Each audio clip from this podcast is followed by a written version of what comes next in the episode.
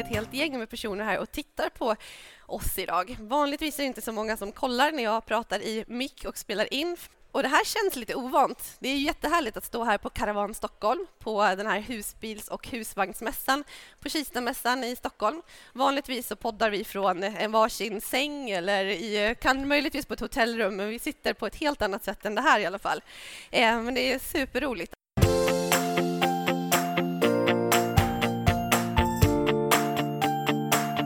Ja, det ni nyss hörde var alltså delar av inledningen till livepodden vi gjorde på Karavanmässan. Eh, där jag stod på scenen för att spela in ett avsnitt istället för att sitta hemma i eh, sängen och spela in via Skype med Annika eller vara på ett hotellrum eller så.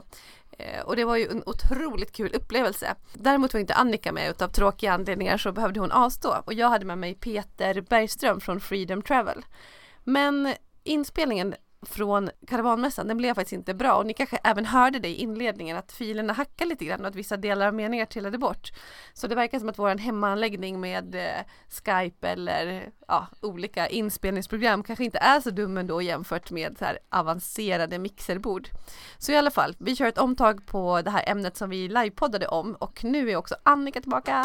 Tjoho! Jag är tillbaka och jag sitter nu just eh, mitt emot en tvättmaskin i en liten, liten tvättstuga hemma hos min syster. Ja. Här, här nere i Blekinge. Mm. Det funkar det också. Så att eh, inte från scenen men samma ämne och jag är jätteglad att vi båda är med igen. Så det här är alltså Att Resa-podden med Lisa Falåker från Livet från den ljusa sidan och Annika Myre från resfredag.se. Och vi kommer prata idag om att resa till världens absolut bästa destinationer, i vårt tycke alltså, och hur man kan få en liknande upplevelse nära. För att man behöver inte alltid resa så himla långt bort för att få det allra häftigaste. Eller ja, man tror ju det, eller hur? Världen är stor och häftig, det är bästa, det finns så långt bort som möjligt, eller eh, ja, typ. Ja, jag blir mer och mer medveten om det här att jag kanske inte behöver åka till andra sidan jordklotet. Och det är något som vi lyfter ganska ofta här nu, att det finns så mycket vackert och spännande som inte precis som vi säger ligger andra sidan jordklotet. Nej, fast det allra bästa ligger så himla himla långt bort. det bästa jag har varit på, jag tror nästan att det fortfarande ligger i topp, men det är Nya Zeeland. Nya Zeeland ja. är ju drömmarnas resmål. Det är det faktiskt. Och för mig så har ju Australien varit det också. Eh, eller är fortfarande. Det var någonting med att det var så himla långt bort och att det var så ouppnåeligt. Så när jag väl kom dit så var det precis som jag hade föreställt mig faktiskt för alla de där åren sen tillbaka. Alltså på ett positivt sätt då menar du? Eller var det så här, du fick inget extra förutom vad du hade förväntat dig? Jo, ja. nej, alltså det var, jag hade förväntat mig att det skulle vara det bästa på hela jorden. Och för mig så var det det bästa på hela jorden. Jag var 17 år och hade i och för sig typ inget att jämföra med. Men med den känslan, alltså det var så stort och det var så fint och det var så vackert och eh, jag var helt, jag var helt överväldigad. Och eh, jag håller Australien som, jag tror kanske att det beror på att jag hade så, alltså att det var min första stora riktiga långresa som gör att det fortfarande känns så himla speciellt. Men det är väldigt vackert där också. Måste ja, men så, ja men absolut. Men det är ju lite så också att har man drömt om någonting så otroligt länge och sen blir det den upplevelsen så är det ju inte bara destinationen eller så här resmålet i sig som är så fantastiskt utan vad som är så himla fantastiskt är också att befinna sig där liksom i sin, i sin dröm helt enkelt. Mm, så man nästan får nypa sig i armen flera gånger ja, och märka att man faktiskt är där. Ja. Okej då, men jag vill ändå återkomma till Nya Zeeland för jag tänker att om man tänker så här just att man vill ha det som Nya Zeeland är mest känt för. Man drömmer om så här dramatisk natur, så helt galet häftiga, mm, storslagna, magnifika vyer, alltså det vackraste, vackraste landskap man kan tänka sig. Och väldigt mycket grönska, du vet så här, gröna kullar och fjordar, ja men alltså du vet totalt supermaxad natur, då tänker man ju Nya Zeeland. Eller hur? Alltså det känns som att det är, det är Nya Zeeland det är Nya Zeeland. Jag håller helt med. Även om jag nu bara han var på norra ön så var ju det fantastiskt. Och sen ser jag bilder från södra ön och inser att det är ännu mer fantastiskt. Ja, men så är det faktiskt. Vi hade ju husbil, vilket passade bra när jag livepoddade att prata lite grann om hur man reser runt på Nya Zeeland med husbil. Eh, för det är ju ett otroligt bra sätt att, att se just Nya Zeeland och resa runt där och besöka alla de här ställena och där varje liksom avverkad mil är en upplevelse i sig. Det är så vackert. Men jag vet ju att du har ett annat ställe med just så här gröna kullar och grönska. Kanske inte fjordar men ändå som, som du brukar prata dig varm om. Ja, men det är ju Skottland såklart. Det är det stället som jag har varit på tillbaka till överdrivet flest gånger om man jämför med andra länder. Och det beror inte bara på att min, en av mina systrar bor där, utan det beror på landskapet i sig. Eh, Skottland, om man kollar på hur det ser ut rent geografiskt så tar det upp eh, en tredjedel av, av britternas yta, men det finns bara fem miljoner invånare som bor i Skottland. Och det gör att man har, alltså det finns plats för så mycket natur överallt, orörd natur. Det är som att åka genom en kuliss. Det är gröna kullar och det är berg och det är hedar och det finns också de här dramatiska kuststräckorna med, med havet som, som slår mot, eh, mot den, mot klipporna. Men så är det en sak till som du inte får på Nya Zeeland Lisa och det är alla slotten. Det är mm. slott på riktigt precis överallt. Det är som att vara i en eh, saga. Och mina två favoritslott som jag som jag faktiskt nu såg för första gången i, eh, i julas. Ett av dem heter Donator, Donator och ligger på en Tänk, tänk dig en klippa som sticker upp ur havet och så är det en enorm slottsruin på toppen. Mm. Och på, alla, på tre sidor av slottet så stupar den här klippan rätt ner i Nordsjön. Wow! Ja. Men det är så, så, så fint. Det låter sjukt coolt. Och kvällen vi var där så var det helt orange, lila, rött på himlen. Och, och jag var så här, nej, jag, alltså jag måste stanna och, och tänka, är, är det här på riktigt eller är det, drömmer jag? Så himla, himla fint. Det mm. får du inte riktigt på Nya Zeeland, tänker jag. Nej, sant. Du får små um, hobbitstugor möjligtvis som är uppbyggda ja, för, men eller hur. för filmen Sagan om ringen. Ja. Då låter faktiskt eh, gamla slott bättre egentligen än nya hobbitstugor. Men just om vi pratar om, om att bila runt, alltså det är ett perfekt land att bila i Skottland. Vi körde från St. Andrews på östkusten som är ett väldigt känt golfställe, jättevacker liten härlig universitetsstad. Och sen körde vi hela vägen ut mot eh, Isle of Skye som ligger på västkusten. Och däremellan så är det typ Braveheart-miljö. Det är Loch Ness, den kända sjön med sjömonster såklart. Och det är nationalparker och eh, vi stannade också på, eh, stannade till vid Ben Nevis som är, Ben Nevis som är eh, ett av Skottlands, eller det är Skottlands högsta berg. Så det finns de här dramatiska klipporna och bergstopparna med snö på toppen också. Det är ju väldigt poppis att åka skidor i Skottland, det vet man inte så mycket om. Just det. Ja, när du sa att ja, men om vi ska ha ett alternativ till Nya Zeeland så vill jag prata om Skottland och då kände jag först att oh, Skottland, är det verkligen Jaha, är du säker på det? Och du bara, jag är säker.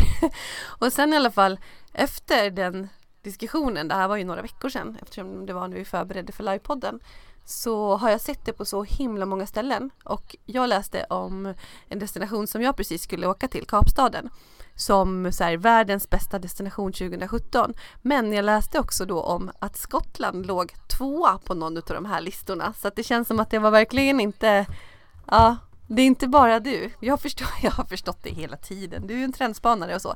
Men eh, jag har verkligen läst om det på så många ställen att bara åk till Skottland. Det är så himla superhäftigt. Ja, jag håller helt med. Men man behöver ju faktiskt inte åka så långt som till Skottland heller, för det räcker ju nästan och åka bara till grannlandet Norge, eller vad säger du? Ja, men det var ju det som jag ville ha som alternativ till Nya Zeeland. Just för att när jag var på Nya Zeeland så var det många som frågade så här, jaha, åker ni ända till Nya Zeeland för det här? Ser inte Norge ut så här? Det är ju grannland med Sverige med fjordarna och så. Och det är ju en fullt rimlig fråga faktiskt. Man har ju just det där landskapet med med fjordar och med dramatisk eh, natur och allt det där. Så Norge har så himla mycket att bjuda på. Och jag har pratat om Bergen innan som en väldigt enkel destination att ta sig till. För man har ju förstås man har ju förstås de norra delarna utav Norge som absolut lockar och är urhäftig, alltså med Lofoten och Tromsö och de ställena. Men jag flög över till Bergen, väldigt kort resa från Stockholm och ännu närmare förstås om man är nere från västkusten och så. Och där har man jättebra direkt eh, entry till eh, några av de absolut finaste fjordarna i Norge faktiskt. Så det tror man kanske inte att de ligger så långt söderut, men det finns eh, så, så, så mycket fina ställen att, eh, besöka där.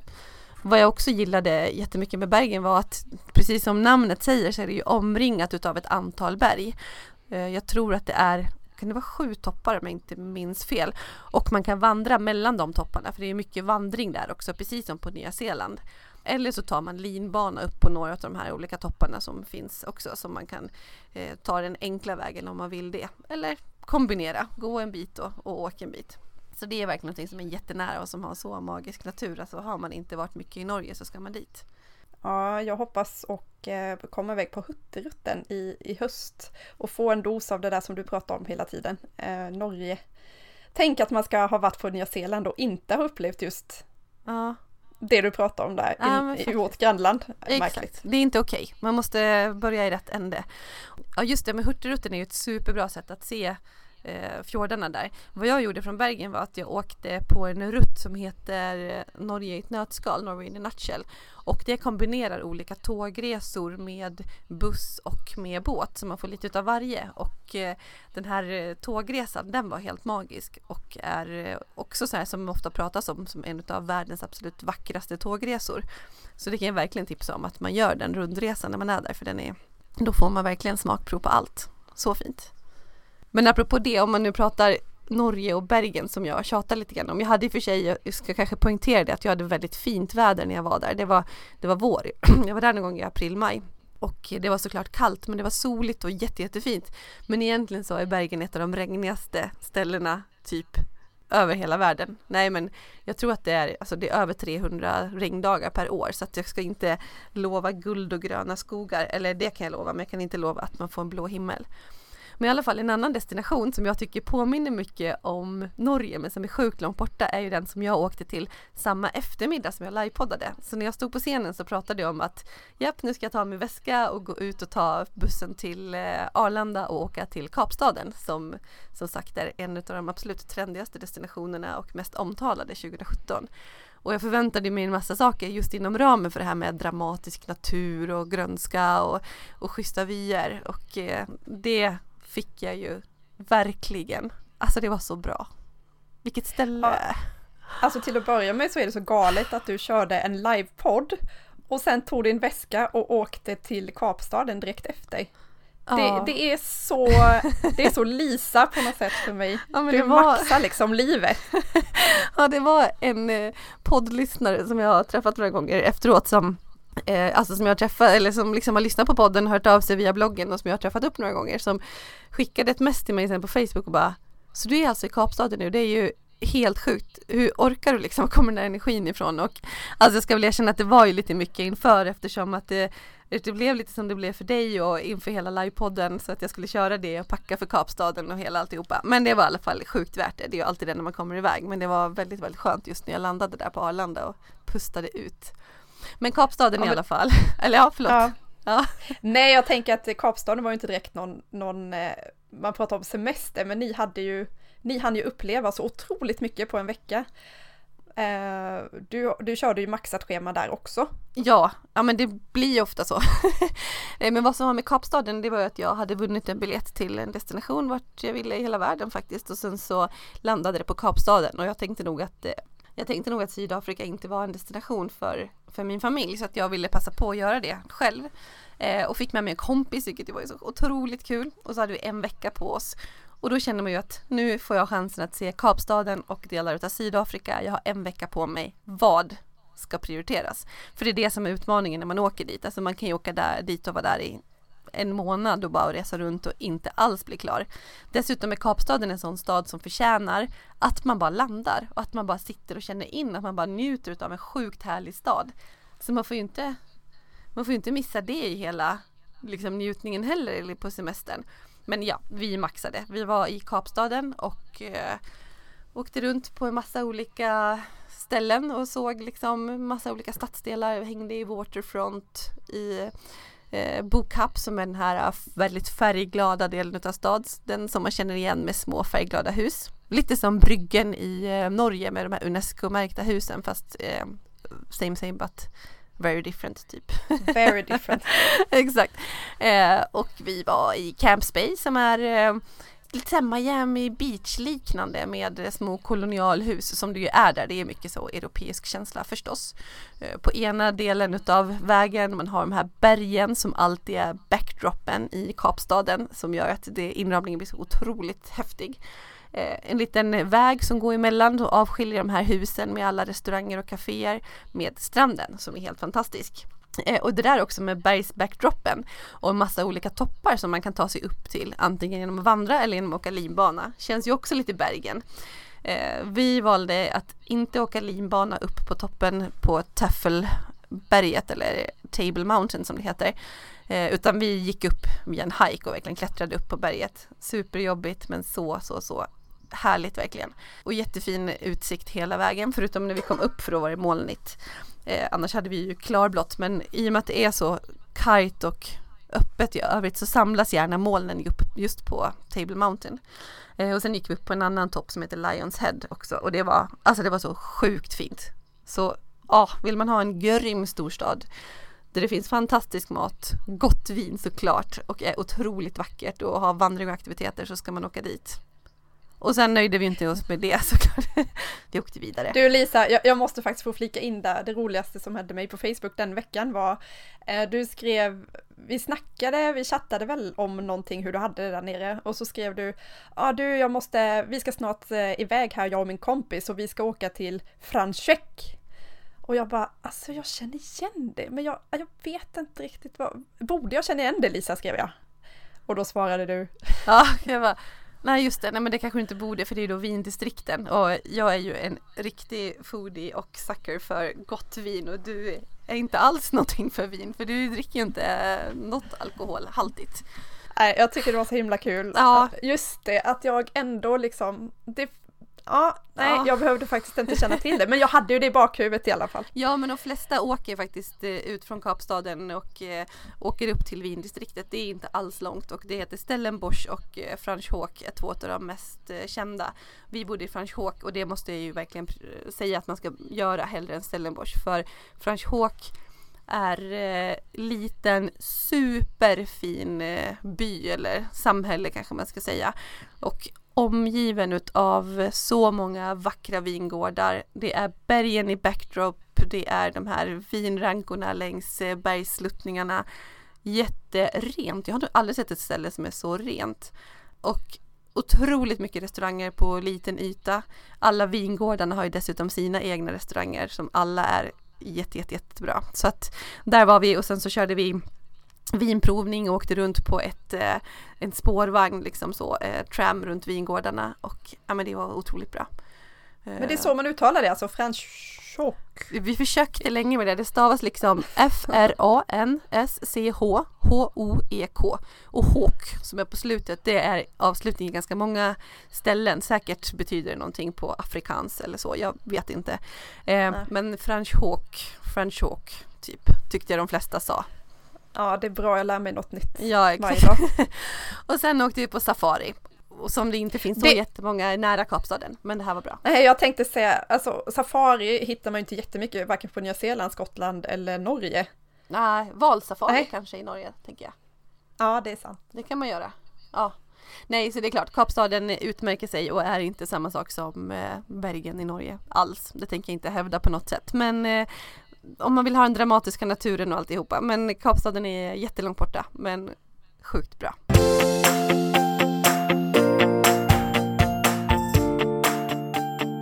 Men då, om vi nu pratar det här med eh, kargt landskap så från det ena till det andra. Vi gör en liten sån här nyhetsövergång eh, här. Så här smidigt.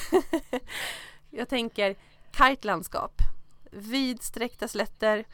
Ett ställe där man verkligen åker på roadtrip och jag tänker långt borta, då pratar vi ju USA, alltså att köra Highway 1 och eh, San Francisco till Los Angeles är en sån här riktig klassiker eller ännu längre och verkligen göra avstickare till nationalparkerna. Så som jag vet att du har ju varit där och varit i fler än Yosemite och verkligen varit runt där.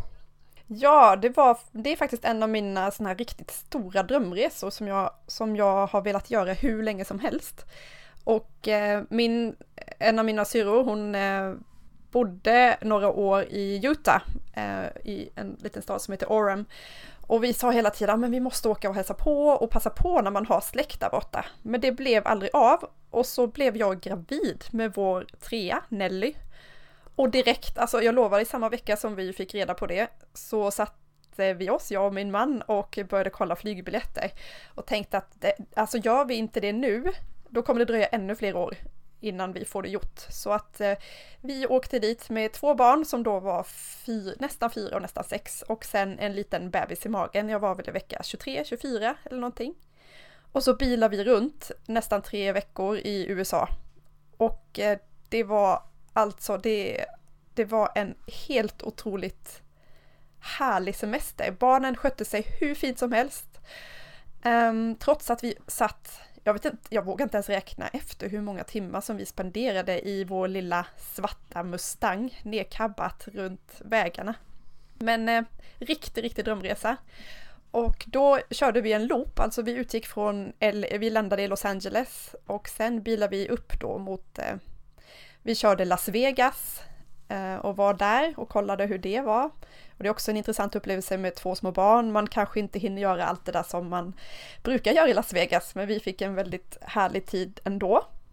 Och sen körde vi upp då mot, mot Utah och där lämnade vi barnen hos min syrra. Vi var där ett tag. Men för att maxa det här med nationalparkerna, då passade det kanske inte jättebra med en fyraåring och en sexåring. Utan under tre dagar så åkte jag och min man runt, typ 150 svenska mil. Och då körde vi tre av dem, ja, vi, vi hörde oss för vilka nationalparker eh, min syrra och hennes man tyckte vi skulle åka till och då är det ju väldigt många som pratar, du vet, om Grand Canyon och Yosemite. Eh, men vi ville göra någonting annat, någonting som kanske inte var riktigt det som alla andra gör. Och då blev vi tipsade om Bryce Canyon, eh, Zion National Park och The Arches, som är tre nationalparker och hade fantastiska dagar såklart. Alltså de här nationalparkerna i USA, de vet, alltså framför allt så är naturen så läcker. Alltså det är så olika typer av upplevelser också på de olika nationalparkerna. Och sen så är de väldigt, väldigt välskötta. Amerikanerna kan ju det här med service, de har lagt upp allting så att det blir smidigt och det känns inte heller sådär turistigt eh, Disney World utan de lyckas hålla känslan att det är naturen i fokus. Och Bryce Canyon, jag vet inte om du har sett bilder, vi lägger ut en massa bilder på um, Tänk att det är en massa, massa, massa stenformationer, nästan som totempålar, huddus mm. kallar de det, ner i en dal, alltså hur många som helst, tusentals stora stenformationer som står liksom sida vid sida. Det är så himla mäktigt. Det är mm. som ett, uh, ja, jag har inte sett något liknande, det, det är uh, väldigt, väldigt vackert. Det ser så coolt ut, verkligen. Så himla häftigt. Jo, men jag har sett bilder hos dig och bara tänkt att jag verkligen, verkligen måste dit. Jag menar, ja, och... Grand Canyon, känt och stort och liksom det största största, men dit är det ganska många som åker och sen inte blir så här jättenöjda. Jag tror verkligen på att åka till de här nationalparkerna som du talar om istället, att man får en bättre upplevelse där. Ja, man får väl framförallt en annorlunda upplevelse. Jag tror säkert att Grand Canyon kan vara jättehäftigt också, men jag kan inte uttala mig för jag har faktiskt inte varit där. Zion National Park, den är mer, eh, det är lite mer grönt där. Det, det är, alltså det är väldigt speciell natur för det är röd sand överallt. Eh, och så är det det här mjuka gröna, väldigt mycket grönt och häftiga, häftiga hajker har de i eh, Zion National Park. En som heter Angels Landing och då är det en nästan fyra kilometer lång hike som leder upp, alltså rätt upp till en topp som ligger nästan två kilometer upp, alltså 1760 meter är toppen. Och det finns inga skyddsräcken Lisa. Mm. Det finns kedjor att hålla i sig på, mm. på de mest kritiska ställena. Och min man skulle upp och gå den där vandringen och jag bara tänkte, ska jag bli, ska jag bli liksom, det här lilla barnet ska bli faderslöst nu när han ramlar över kanten. Nej usch vad hemskt. Åh. Ja. Men, men han sa att det, det, för honom det var det häftigaste han har gjort, går Angels Landing. Så det, det skulle han säkert rekommendera till alla som åker dit. Mm. Jag, jag gjorde det inte av eh, naturliga skäl. Mm. Däremot gjorde vi en annan hike som heter The Narrows och då går man, då går man eh, i ett vattendrag, en hike som är genom som en liten flod liksom. Och så är det höga, jättehöga klippkanter längs sidorna så går man liksom, följer den här väldigt annorlunda och väldigt mäktigt. och den ligger också i Zion, också i Zion National Park? Ja precis, det är samma. Mm. Uh, och den sista parken, nationalpark som vi åkte till är The Arches som ligger i Utah. Och då är det som stora, stora sten, alltså som en båge som är gjord klippformation som ser ut som en stor båge liksom. Och om man, jag tror att till och med skyltar, alltså registreringsskyltarna i Utah har den här bågen, den mest kända Delicate Arch, eh, som eh, på deras registreringsskyltar på bilarna. Så det är verkligen ett landsmärke för dem. Jättefint, väldigt, väldigt varmt dock. Vi var där i juli och det var liksom upp till 45 grader när vi gick där i typ öknen. Ja, oh, shit, det är verkligen, det är, de följer väl samma årstider som vi gör. Förutom att det är ja, varmare på vintern, men alltså det är ju varmaste perioden, våran sommar, ja. eller hur? Just det. När jag pratade lite grann om de här amerikanska nationalparkerna som du pratar om nu eh, under livepodden så kom det sen eh, efter den kom det fram en man till mig som eh, verkade väldigt berest och han sa Åh vad kul att du nämner de här amerikanska nationalparkerna. Det är min, mina absoluta bästa reseupplevelser någonsin. Han hade rest runt väldigt mycket, både nära och långt bort och han hade bilat genom hela USA och det var det, han ville prata så mycket resor, det var jätte, jättekul. Verkligen roligt att den kom fram till mig så efteråt. Eh, och han pratade som sagt väldigt varmt om dem också och så nämnde han också Yellowstone nationalpark. Mm, japp, ja den, det den låg lite för långt bort för oss så den har vi inte varit i men eh, jag har hört väldigt mycket gott om den också. Ja, för om man säger Kalifornien som vi utgick ifrån och pratade om med San Francisco och Los Angeles så ligger Utah in i landet, alltså förbi Las Vegas som ju ligger där i Nevada eh, mm. på gränsen nästan mot Arizona. Så Utah ligger efter Nevada, alltså typ innanför Las Vegas och Yellowstone nationalpark ligger norr om då i Wyoming, hur man nu uttalar det. Men så att det, ja det men det är precis, ja, Wyoming. Wyoming. Så det är en bit in i landet och eh, upp, alltså ganska långt upp också. Det är ju väldigt mycket norr om San Francisco. Så att det är en bit ifrån, mm. men bara så att vi får lite perspektiv på ställena vi pratar om där. Efter vi hade gjort nationalparkerna så fortsatte vi, plockade upp barnen igen och sen körde vi vidare och då åkte vi upp mot San Francisco, stannade där några mm. dagar som är ju en, en av mina favoritstäder, absolut favoritstäder. Jag älskar San Francisco. Sen körde vi vidare neråt, alltså då körde vi Highway 1 från San Francisco ner mot Los Angeles. Och Highway 1, det är ju en, jag får väl säga att det är den vackraste kuststräckan som jag någonsin har kört på.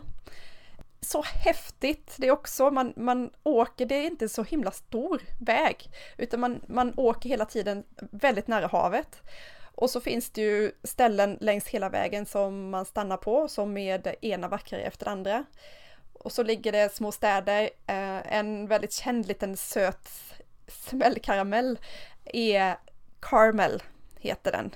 Jättemysig liten stad som ligger längs den här sträckan då som vi stannade eh, ett par dagar och bara var liksom, för det var så himla mysigt. Men det absoluta favoritstoppet längs Highway 1 som jag måste, som jag måste nämna, det är Julia Pfeiffer Burns eh, som är en nationalpark och då finns det ett vattenfall där.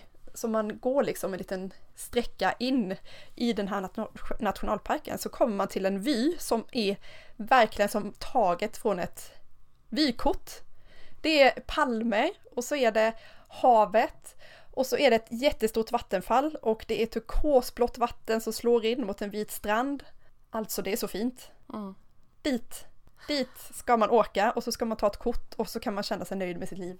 Åh, vet du, alltså nu känner jag att jag mentalt medan du pratade så börjar jag måla upp så här nästa sommar kanske, undrar om vi kan vara borta fyra veckor och roadtrippa med barnen runt om. Jag på riktigt, jag kommer kanske så här ringa min man direkt efter det här och eh, fråga om vi kan ändra våra resplaner de närmaste åren för det här låter ju helt fantastiskt. Jag kommer kopiera allt. Ja, det är bra. Jag tror att han är ganska van vid de där samtalen nu så det är väl ja. kanske inte... Bor din syster kvar så att hon kan ta våra barn några dagar? Alltså tyvärr sitter jag ju i hennes tvättstuga på Sturkö av alla ställen har hon flyttat. Så eh, Osis. från det ena paradiset till det andra Lisa. Ja, precis. Ja, vad synd. Eh, men i alla fall, det är jättelångt bort. Vi kan inte åka dit. Det är för långt bort. Nej, vi måste ha ett nära alternativ och jag tänker Island. Alltså just det här med det här karga, öppna, långa landskapet och häftigt häftigt, häftigt landskap verkligen. Det är Island. Jag har inte sett något häftigare, i alla fall inte på så nära håll. Eller nej, knappt alls. Jag tycker det är så sjukt fint där. Just innan jag kom till Island så tänkte jag att när man ser de här vackra fotona och alltihopa så handlar det om att någon har varit bra och tagit en fin bild åt ett håll på något visst monument eller något visst känt landskapsmärke eh, eller landmärke eller så. Men jag insåg ju snabbt att det är den vyn man är i hela tiden. I 360 grader runt sig själv så har man det där landskapet som är alltså så vackert som man tappar andan. Så, så tänker jag ja, om det, Island. Det är inte som när man är typ och, i Kambodja och tar kort på Angkor Wat och så ser det ut som att man är helt själv. Mm. Och bakom en så står det typ en miljon människor. Ja. Så är det ju inte på Island. nej, precis. Nej, nej. Kambodja har nog eh, gjort sitt kanske. Eller liksom att det har blivit för exploaterat. Eh, men på Island är det ju inte så. Det är stort och förhållandevis lite turister. Alltså det är klart att det är jättemycket turister på vissa ställen och till exempel åker du Golden Circle som är den mest kända rutten där liksom för att det innehåller de här största attraktionerna. attraktionerna ja, ja exakt, exakt. Det är vattenfallet som jag tappar namnet på nu bara för det. Mm, det är det vattenfallet. Ja. Jag kan säga att det var ju precis den Golden Circle som jag gjorde när jag var där. Jag var ja. ju inte så eh, cool som ni var och, och hyrde bil och bara drog iväg utan vi tog en busstur. Ja men precis, nu kommer jag på namnet här. Gullfoss heter det, det stora Just stora det. vattenfallet. Ja. Och sen har du den största geysern, Geysir, och Tingvellir som är en nationalpark. Det är de tre som egentligen utgör Golden Circle. Och så finns det några ytterligare stopp att stanna på. Och på de stoppen är det jättemycket turister. Absolut. Och det kommer ju i busslaster också så att när det väl kommer så är det jättemycket folk. Jag upplever att när vi hyrde bil och åkte omvänd rutt och kom dit lite i våra egna tider så kändes det lite lite bättre. Vi behövde liksom inte gå i den här största klungan. Sen tycker jag Island har mycket mer än Golden Circle men man vill kanske börja där för att få försmaken på, på Island generellt. Och jag tycker det är bra, mm. det är sevärt liksom. Ja men ni hade också otroligt tur med vädret när ni var där igen, inte bara i Bergen. Jag såg bilderna från när ni var på Island att ni hade ja. så fint väder. Ja, det hade vi. Det var sjukt fint. Vi var där i maj, eh, jag och två kompisar och vi hade, ja det var blå himmel nästan varje dag. Om vi var där onsdag till söndag tror jag. Alltså tidig onsdag morgon till sen onsdag, söndag kväll. Ja, så på fyra, fem dagar så var det en dag som vi hade sämre väder. Det var sista dagen när vi var i Reykjavik. Eh, så det var otroligt fint. Sen var det kallt liksom, men man klär sig ju efter vad man ska göra. Lager på lager och äntligen får man plocka fram sina härliga funktionskläder. Jag älskar ju det. Så ja, vi hade jätte, jättefint väder. Men i alla fall galet vackert och enkelt att ta sig runt. Åk bil, alltså det är verkligen mitt bästa tips. Det var superenkelt att köra. Sen är det klart, är man där mer mot vintern så kanske man ska vara van vid vinterväglag. Men det är ju vi i Sverige. Eh, och många bilar är ju anpassade efter det förstås. Och eh, ja, det finns jättemånga schyssta små hotell och bed and breakfast och sådär som man kan bo på om man inte vill frikampa. Det finns ju jättemycket sånt där förstås. Eh, så där kan man få mycket Island tycker jag på, på kort tid. Sen är det inte ett billigt ställe, det är dyrt men eh, och, det är inte jättenära, det är ju, vad kan det ta, jag vet inte. Är det fyra timmar kanske att flyga någonstans? Ja, jag minns inte riktigt men det är ju någonstans att ta sig men det är så himla speciell natur verkligen. Ja, jag ska dit igen och hyra bil någon gång i framtiden. Ja, vill man ha mycket Island på kort yta eh, eller på en kort väg så att säga, då åker man till Snäfjällsnäs som ligger nordväst om Reykjavik. Det är en halvö, man brukar kalla det för ja, vad säger man nu då? Island i miniatyr för att om man åker runt den halvön, vilket är en dagsutflykt ungefär, Eh, kan också ta längre tid men man kan absolut göra den och hinna med mycket på en dag och då får man liksom alla olika delar utav Island på en dag. Så det är ett jättebra utflyktstips om man inte har så lång tid på sig.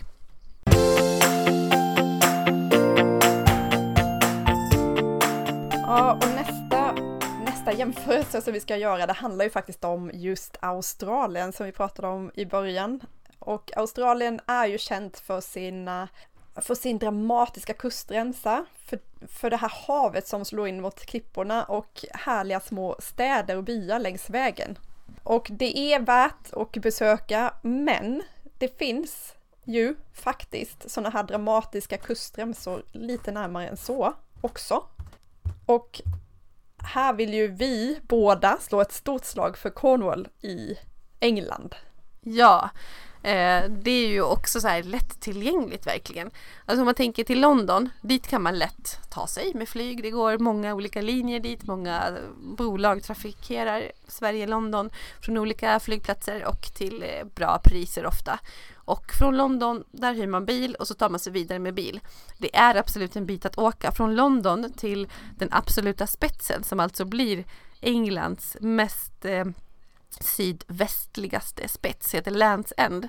Dit tar det ungefär fyra timmar om man kör i ett streck. Men man vill ju stanna på vägen förstås. Alltså, det är jättefin natur och man åker förbi så många sådana här små pittoreska byar med, som har de här charmiga gamla engelska eh, restaurangerna och pubbarna och ja, det är så himla fint verkligen. Naturen är storslagen skulle jag säga och eh, roadtrippen i England är som man tänker sig när man tänker på alla de här små engelska dramaserierna, typ Hem till gården och sådär som man har snubblat över. det kan vara, lite, kan vara lite läskigt att köra vänstertrafik om man inte är van vid det. Ja, jag gör det faktiskt inte utan jag låter min man köra för han har bott i England tidigare och han, han ställde om direkt. Men jag vet inte, jag hade nog haft svårt för det i början. Ja, jo men det kan vara lite läskigt och det var det faktiskt i Kapstaden, Sydafrika också. Eh, men man får se till att den som sitter bredvid är med och är lika mycket på tårna och sitter bredvid och säger nu svänger vi vänster och håll till vänster för det är vänstertrafik eller alltså så att man påminner varandra liksom i rondeller eller vissa svängar som är, jag tycker att det funkar, man kommer in i det ganska snabbt ändå så, men det är klart det kan vara lite en tröskel så. Men i alla fall, men otroligt fint verkligen, men jag upplever inte att det var så mycket trafik heller så att eh, det är mycket så här småvägar om man gör de här avstickarna som man, som man vill göra. Så kör Cornwall, England, jättebra. Sen finns det ju såklart Portugal, Irland, det finns många ställen i Europa med den typen av landskap. Men eh, ja, Cornwall hade något speciellt alltså och eh, St. Ives längst ute på udden också på den här halvön var ju så otroligt fint ställe som man bara verkligen vill tillbaka till. Det är inte rent som Franschhoek om man ska jämföra. Det är faktiskt en helt annan, det, alltså, det upplevde det inte som så rent men ändå så himla ja, charmigt och coolt. Ja, jag, eh, du nämnde Irla, Irland där också. Det kommer vara ett av mina nästa resmål hoppas jag, för jag har hört så himla mycket fint om eh, jag har varit i Dublin men inte åkt runt och sett de här klipphängen som alla pratar om. Nej precis, inte jag heller och eh, senast var min brorsa där och eh, han reser en del men kanske inte riktigt samma som jag men han var så här hur kommer det sig att du aldrig har varit där? Dit måste du åka och sen han sålde in det också för mig totalt så att eh, ja, jag får väl göra någon sån eh, Storbritannien eh, roadtrip här låter det som. Hur ska jag hinna mm. med allt? nej usch jag vet inte. Du nej. får, nej. Det går inte. Nej. Ja men jo men man hinner det. Man, det målbilden. Jag hoppas, vi ja. hoppas ju att vi ska leva väldigt många år till och då har vi faktiskt väldigt många resor att hinna med. Ja, det tänker jag utgå ifrån. Men maxa varje dag ändå liksom. Ja. Det är bra. Nästa kategori. Häftig storstad. Alltså man måste ju åka långt bort. Jag eh, tänker alltid på mina drömmars stad. Min eh, favoritstad i världen, New York såklart. Som så många andra men det är ju så fantastiskt. Singapore också. Dröm. ska Singapore. Ja, Tokyo väldigt fint. drömmer jag om. Vad drömmer du om för långväga, eller vilka är dina bästa långväga storstäder? Nej men Singapore som du säger. Mm. Jag, eh, jag skulle vilja säga New York men jag har inte, jag har varit där två gånger och jag eh, känner inte riktigt det som alla känner. Jag tror att jag var lite för ung och lite för rädd och lite för ensam för att, för att få den här pang-upplevelsen. Men jag eh, Ja, New York det, det, det, jag tror det är faktiskt den enda storstaden som min man Tobias har sagt att han vill åka till med mig. Så att eh, jag, jag får väl ge det en chans med honom tänker jag. Ja, ja men det är bäst. Så är det bara. Så du, mm. du har fått fel upplevelse. Nej jag skojar. Ja. Men det finns ju så himla många häftiga storstäder och vi har ju pratat om många i vårat avsnitt om långväga weekends. Som är ett av mina favoritavsnitt faktiskt. Det tycker jag man ska lyssna på om man inte, om man inte har gjort det. Men det finns ju jättemånga häftiga storstäder nära och framförallt sådana som eh, kanske är lite otippade. Alltså jag menar vi har ju länge Alltså vi har ju pratat om de här klassikerna och det har vi också gjort i ett weekendavsnitt tidigare men med Barcelona och så. Men om man ska prata nära och lite trendande nya destinationer så är det ju uppsvinget av Östeuropa som vi pratar om hela tiden. Ja, men det finns en anledning till att vi gör det också jag, jag, tror verkligen att de här städerna, eller de kommer ju, det är ju så, man ser ju det på bokningsstatistiken också, att de ökar jättesnabbt och jättefort och att folk inser att man får, ja men att man får så mycket för pengarna och för att eh, det är väldigt hög, eh, hög klass på restaurangutbudet och på kultur och på ja, men allt det som man vill ha när man åker på en, på en storstadsweekend. Och jag har ju tidigare slagit eh, ett, ja men pratat om Warszawa som en av de städerna som jag tycker jättemycket om. Eh, just eftersom ja, eh, vi snackade och vi som var där om att det kändes lite som ett, som ett New York i miniatyr och folk kanske skrattar lite åt den jämförelsen om man kommer dit, för det går ju inte att jämföra med New York. Nej, det men det är klart också. Nej, ja. men det, det är en hipp känsla, det är ett, det är citypuls, trots att det är då småstadskänsla. Och det har en helt annan historia än vad då till exempel New York har, alltså att man har verkligen, ja men, ja, det, det, det känns att det har hänt mycket här. Sen finns det ju också härliga eh, parker och jättegod mat, jätte, jättefina restauranger. Men inte bara Warszawa pratar vi om som städer som faktiskt kan vara värda att åka till istället för, eller som ett komplement kanske till, mm. till New York. Det ja. finns många som jag inte har varit i än, alltså just i östdelen och jag är jättesugen till exempel på Belgrad och på Zagreb. Har vi inte nämnt så mycket här i podden tidigare men jag, jag hoppas att vi få anledning att göra det framöver för jag hoppas ju att vi kan komma dit på något vänster. Mm, det är svårt Eller att prata. jag i alla fall. ja men jag, jag vill följa med. ja, men du verkar lite såhär öst. Ja, ja, men vet du, jag har faktiskt nyss kommit underfund med vad det beror på. Jag Berätta jag, Lisa, jag, har du varit hos psykolog? Resepsykolog? Ja, jag djupdykt i mitt, eh, vad heter det, undre jag. Nej men när jag gick på typ så här högstadiegymnasiet så för ganska många år sedan så var jag i massa sådana här ställen. Jag, jag sjöng i kör, vilket man inte kan tro för jag kan inte sjunga, jag förstår inte hur det kom sig. Kanske kunde jag det då. Men i alla fall. Va? Oj, vilken, det hade jag ingen aning om. Ah, nej, jag vet, det är jättekonstigt.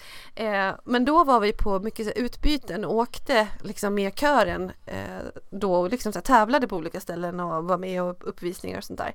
Och bland annat så var vi i Tjeckoslovakien, i, vi var både i Prag och sen bodde jag hemma hos en familj i Ostrava. Ostrava eh, läste jag i, om i Peter och Helenas blogg Freedom, alltså Peter som var med mig på livepodden.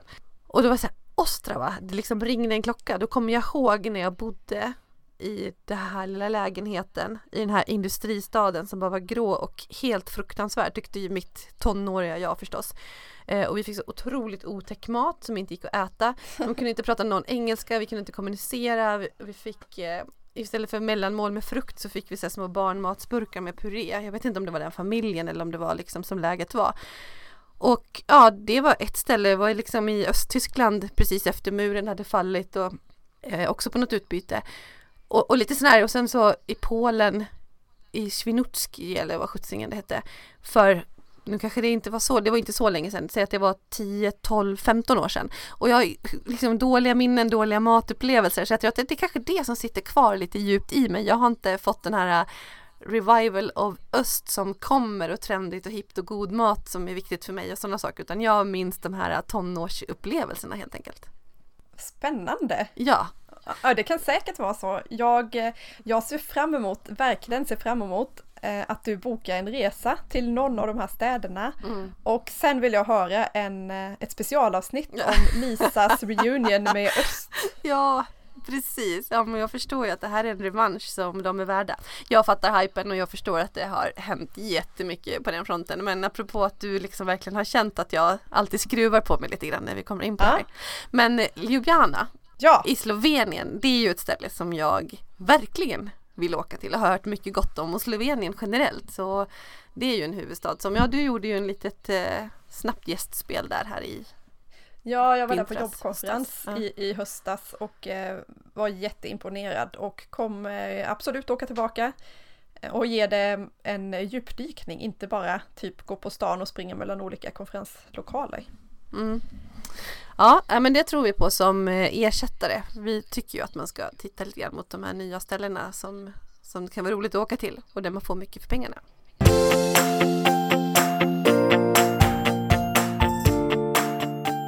Ja, men då har vi alltså kört igenom de här fantastiska resmålen och deras eh, alter egon här eh, lite mer i närheten av Sverige. Ja, det känns ju skönt att vi har rört oss från våra absolut bästa, grymmaste destinationer någonsin som Nya Zeeland, Australien, Kapstaden och USA. Men ändå switchat över till de här lite närmare destinationerna som Skottland, Norge, Cornwall i England och Island som så här helt magiska ställen som inte ligger så himla långt ifrån Sverige. Och förstås eh, de här nya upcomer-städerna som Warszawa, Zagreb, eh, Ljubljana och Belgrad som eh, härliga storstadspärlor på lite närmare avstånd. Vi ser fram emot att eh, återkomma i podden med en, vad ska jag säga, en, en recension av Lisa om de östpärlorna som vi ja, nämner här. Det kan bli spännande mat. tänker jag. Buljongen ja. med köttbitar. ja, ja.